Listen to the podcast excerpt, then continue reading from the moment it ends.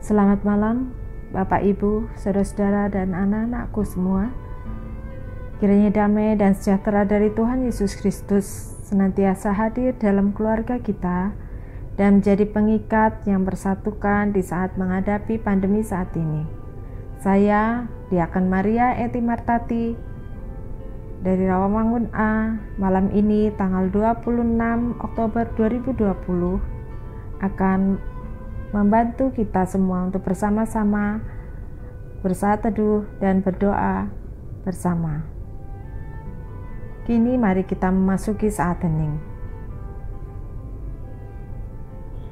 Marilah kita semua membaca bagian Alkitab dari Ulangan 6 ayat 1 sampai 9 dilanjutkan dengan ayat 20 sampai 25 Bacaan Mazmur dari Mazmur 119 ayat 41 sampai 46 dan bacaan Injil dari Lukas 13 ayat 1 sampai 9. Saya akan bacakan dari bacaan Injil Lukas 13 ayat 1 sampai 9. Pada waktu itu, datanglah kepada Yesus beberapa orang membawa kabar tentang orang-orang Galilea yang darahnya dicampurkan Pilatus dengan darah korban yang mereka persembahkan. Yesus menjawab mereka, "Sang kamu, orang-orang Galilea ini lebih besar dosanya daripada semua orang Galilea yang lain karena mereka mengalami nasib itu? Tidak, kataku kepadamu. Tetapi jikalau kamu tidak bertobat, kamu semua akan binasa atas cara demikian." Atau sangkamu ke-18 orang yang mati ditimpa menara dekat Siloam lebih besar kesalahannya daripada kesalahan semua orang lain yang diam di Yerusalem? Tidak, kataku kepadamu.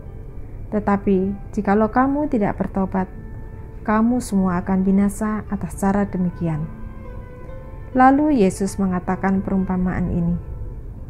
Seseorang mempunyai pohon ara yang tumbuh di kebun anggurnya, dan ia datang untuk mencari buah pada pohon itu, tetapi ia tidak menemukannya. Lalu ia berkata kepada pengurus kebun anggur itu, "Sudah tiga tahun aku datang mencari buah pada pohon ara ini, dan aku tidak menemukannya. Tebanglah pohon ini, untuk apa ia hidup di tanah ini dengan percuma?" Jawab orang itu, "Tuan, biarkanlah ia tumbuh tahun ini lagi, Aku akan mencangkul tanah sekelilingnya dan memberi pupuk kepadanya. Mungkin tahun depan ia berbuah. Jika tidak, tebanglah dia. Demikianlah sabda Tuhan. Saudara, Lukas menyampaikan respon Tuhan Yesus terhadap orang-orang yang melapor padanya mengenai orang Galilea yang meninggal. Mereka itu menjadi korban kekejaman Pilatus.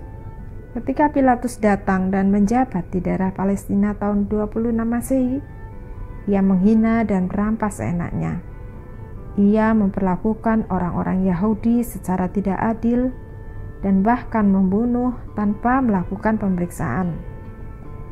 Orang-orang yang dibunuh dan meninggal itulah yang darahnya dicampur dengan darah kurban yang mereka persembahkan.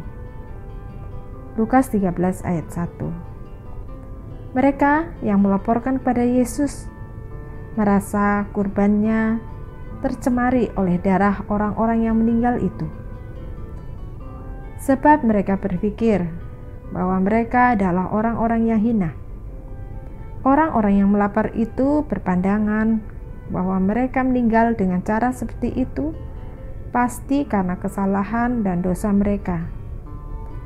Maka Tuhan Yesus selalu menambahkan peristiwa di Siloam, yaitu 18 orang yang mati ditimpa menara, ayat 4. Ini sekaligus kritik terhadap cara berpikir mereka bahwa orang yang tertimpa kemalangan dipandang pasti mereka berdosa. Dan mereka merasa dirinya lebih suci dari orang-orang yang meninggal yang malang itu. Maka Tuhan Yesus menegaskan, "Tidak, bahkan kalau tidak bertobat, mereka tidak selamat, akan binasa dengan cara demikian." Ayat 3 dan 5. Pertobatan inilah yang ingin ditekankan Tuhan Yesus maupun Lukas dengan pewartaan tersebut dan Tuhan melengkapi responnya dengan perumpamaan tentang pohon ara yang tidak berbuah. Ayat 6 sampai 8. Maksudnya adalah menyampaikan pengajaran agar sebagai orang yang telah bertobat menjadi pelaku firman menyaksikan kebenaran pertobatannya hidup sebagai orang percaya, orang Kristen, sesuai dengan panggilannya. Orang percaya dipanggil, dipilih untuk berbuah, menjadi pohon yang tidak merugikan tanah yang telah dirawat dan digarap sehingga menghidupi pohon dan berbuah. Situasi pandemi seperti sekarang ini punya potensi membuat kita merasakan dan berpikir seperti berada di tanah gersang. Hal itu akan menghimpit dan menghambat kita, dan tidak menolong kita melihat tantangan sebagai peluang, kesempatan untuk melakukan apa yang terbaik baginya. Tidakkah Tuhan memberikan pemeliharaan untuk mengolah kita agar tetap menjadi tanah yang menghasilkan? Tidakkah kita percaya Ia tidak meninggalkan dan tidak membiarkan kita untuk menjadi pohon ara atau tanaman yang tumbuh dan berbuah. Ibrani 13 ayat 5. Mari kita terus mewujudkan pertobatan dengan hidup yang berbuah, yang menghasilkan sesuai dengan panggilan kita. Tuhan Yesus memberkati. Amin. Saudara-saudaraku yang terkasih, Mari kita berdoa bersama yang akan kita awali dengan doa Bapa kami secara bersama-sama dengan keluarga dan setelah itu kita akan melanjutkan dengan pokok-pokok doa. Mari kita berdoa. Bapa kami yang di sorga, dikuduskanlah namamu, datanglah kerajaanmu, Jadilah kehendakmu di bumi seperti di sorga. Berikanlah kami pada hari ini makanan kami yang secukupnya. Dan ampunilah kami akan kesalahan kami, seperti kami juga mengampuni orang yang bersalah pada kami. Dan janganlah membawa kami ke dalam pencobaan, tetapi lepaskanlah kami daripada yang jahat. Karena engkaulah yang mempunyai kerajaan dan kuasa dan kemuliaan sampai selama-lamanya. Amin. Puji dan syukur kami panjatkan kehadiratmu ya Allah, Engkau yang menerangi hati dan pikiran kami melalui terang firman-Mu. Engkau karuniakan hikmat untuk kami menjadi kuat, untuk kami terus melangkah mengelola tantangan bahkan tekanan untuk tetap menghasilkan. Terima kasih untuk nafas kehidupan dan kesehatan, serta kekuatan yang Tuhan karuniakan menjadi tanda penyertaan dan pemeliharaan, menjadi bukti Tuhan tidak membiarkan dan meninggalkan kami. Biarlah itu terus menopang kami, menyatakan syukur bagimu, menyaksikan hidup yang berbuah. Dalam pengasihanmu kami mohon, Tuhan, dengar dan kabulkanlah doa kami. Ya Tuhan, mampukanlah kami menjadi pelaku firman-Mu di tengah-tengah pandemi yang sedang kami hadapi. Sebagai gerejamu, kiranya kami terus dimampukan menyatakan kasih Tuhan dalam kerendahan hati. Terus melangkah dengan kesabaran dan penguasaan diri, menyikapi tantangan dan pergumulan.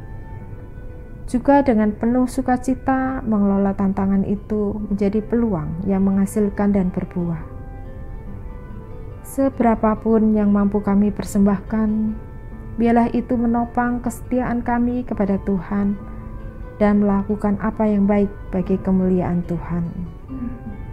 Dalam pengasihanmu kami mohon, Tuhan dengar dan kabulkanlah doa kami. Kepadamu ya Allah kami mengucap syukur untuk negeri tercinta ini keragaman warga, serta kekayaan alam dan budaya yang Tuhan karuniakan. Juga pemimpin pemerintahan yang Tuhan percaya untuk mengelola dan memimpin masa ini. Kepada para pemimpin pemerintah, legislatif, yudikatif, dan instansi-instansi swasta, kiranya Tuhan tuntun dengan kuat kuasa Roh Kudus, agar dengan sungguh-sungguh mengemban tugas dan kepercayaan yang telah Engkau berikan secara bertanggung jawab, bijak, dan penuh sukacita serta kesabaran terlebih dalam menangani agenda-agenda penting di negeri ini. Pandemi berikut dampaknya, aturan atau undang-undang yang mengatasi masalah-masalah untuk mendatangkan kesejahteraan, keadilan, dan kebenaran, serta kebaikan bersama. Pembangunan infrastruktur, peningkatan kualitas sumber daya, pilkada yang akan diselenggarakan, dalam kebersamaan yang saling menghargai, menopang, dan mengasihi. Biarlah kami menjadikan agenda-agenda di atas menjadi wadah dan peluang untuk kami melakukan yang terbaik bagimu. Dalam pengasihanmu kami mohon, Tuhan dengar dan kabulkanlah doa kami. Kami bersyukur atas berkatmu untuk hasil-hasil pembangunan dan upaya menyikapi pandemi ini kami juga mohon berkat-Mu ya Allah untuk kesinambungan dalam mereka mengemban tanggung jawab sesuai bidang mereka untuk menghadirkan kebenaran, kesejahteraan, dan keadilan masyarakat Indonesia. Terkhusus dalam menangani pandemi COVID-19 ini, berikut dampak-dampaknya perjuangan dan kerja keras pemerintah bersama komite gugus tugas, Kementerian Kesehatan, para ahli, tenaga medis, serta relawan kesehatan kiranya juga menjadi kesadaran dan perjuangan bersama warga masyarakat di seluruh negeri ini. Agar kami bersama segera boleh melewati pandemi ini dan menjadi saluran berkatmu bagi sesama di muka bumi ini. Dalam pengasihanmu kami mohon, Tuhan, dengar dan kabulkanlah doa kami. Amin. Demikianlah doa bersama kita. Terima kasih Eyang, Bapak, Ibu, dan anak-anak juga, cucu-cucu yang dikasih dan mengasihi Tuhan. Walau wabah membuat banyak hal tidak mudah, Tuhan setia dan tetap merawat. Mari terus berbuat dan berbuah. Selamat malam, selamat beristirahat. Tuhan Yesus memberkati.